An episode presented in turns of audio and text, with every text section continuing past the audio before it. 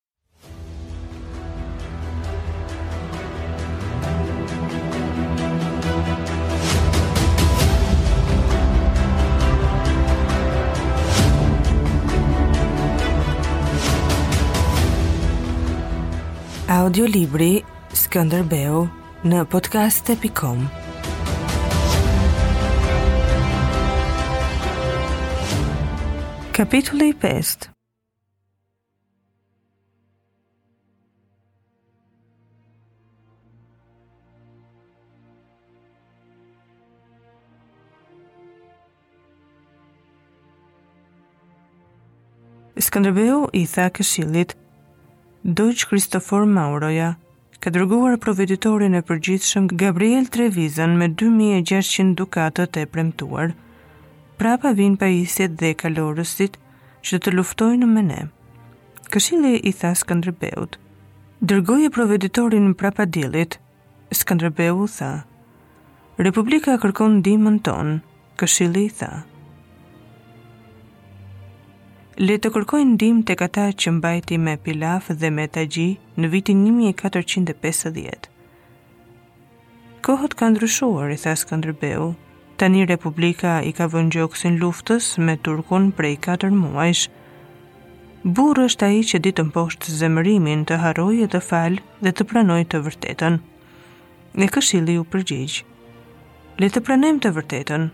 Republika i kishte vënë gjoksin luftës edhe në vitin 1428 dhe porsa ndreqi punët e saj, e flaku te këmbët e sultanit, Gjon Kastriotin, babanë tënd.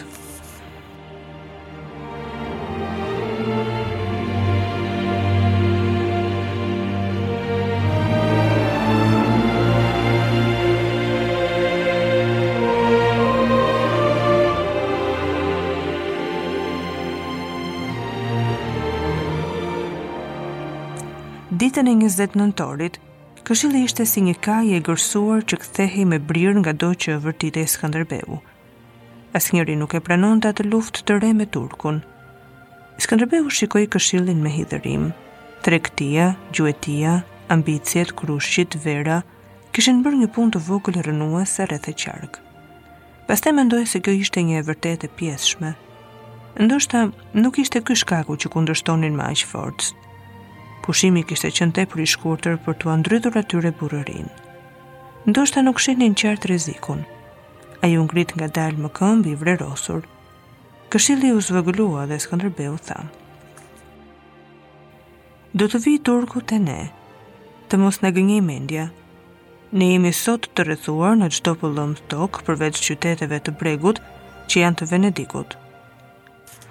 Arbëria nuk do të mbetet një ishull i lirisë në mes të detit otoman. Sa herë do t'jua them? Mehmeti bëri paqe që të na përçajë. Cili është ai që e do armikun të bashkuar? Ne e pranuam këtë paqe që Europa të ndjente rrezikun dhe të ngrihej kryqëzata. Lufta e përgjithshme e shteteve ka qenë dhe mbetet shpëtimi ynë. Kjo luftë tani ka filluar. dhe ne do të dalim në ballë. Ai s'kishte folur kurrë me rrëmbim e gjak të nxehtë, po tani çdo gjë që bënte, pranohej si diçka që vetëm ai mund ta bënte.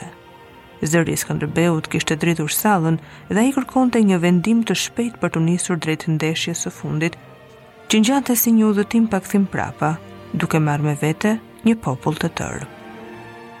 Moisiu pa ngurosjen dhe shtypjen e këshillit, Moisiut i dridhej zemra nga armiqësitë.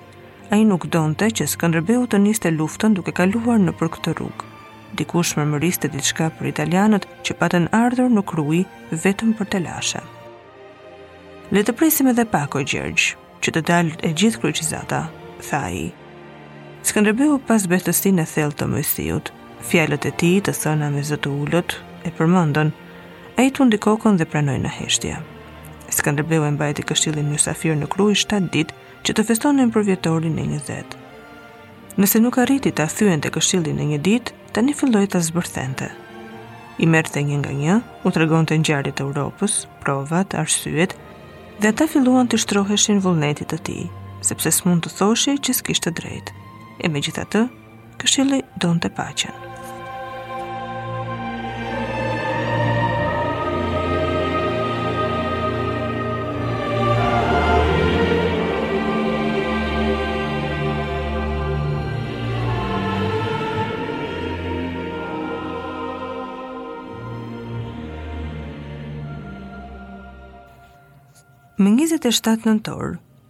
u mbajt mbledhja tjetër e këshillit.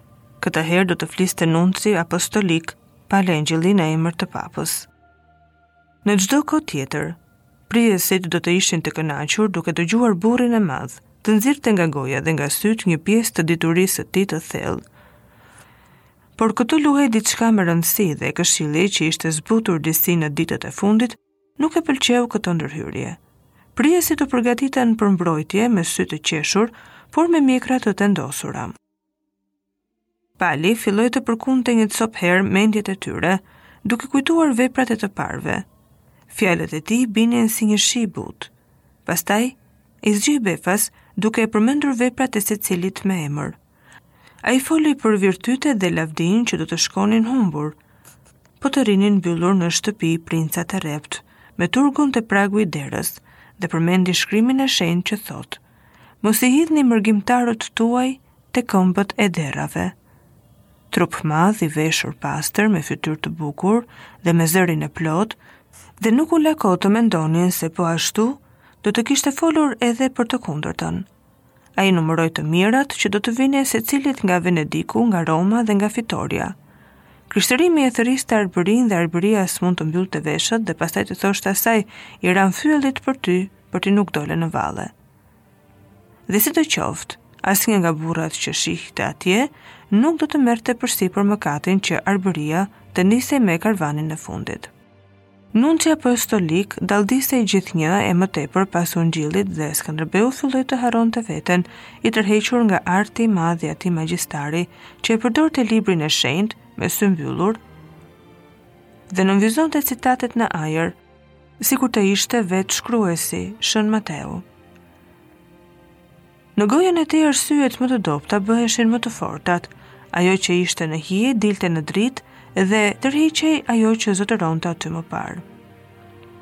Ai u tregua po aq i fortë kur ngriti para këshillit një kryqëzatë që e shtrëngonte turkun si darë.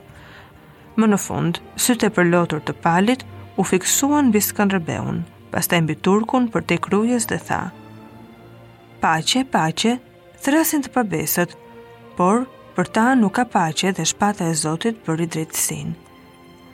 Kjo ishte fundi i kapitullit Zbulesa dhe fundi i turkut. Kur Pali fliste për kryqezatën, Tanushi bëri një lëvizje padurimi. Ai nuk pranonte që prifti t'i tregonte botën prapa perdes, se mund ta shihte po aq mirë edhe vetë.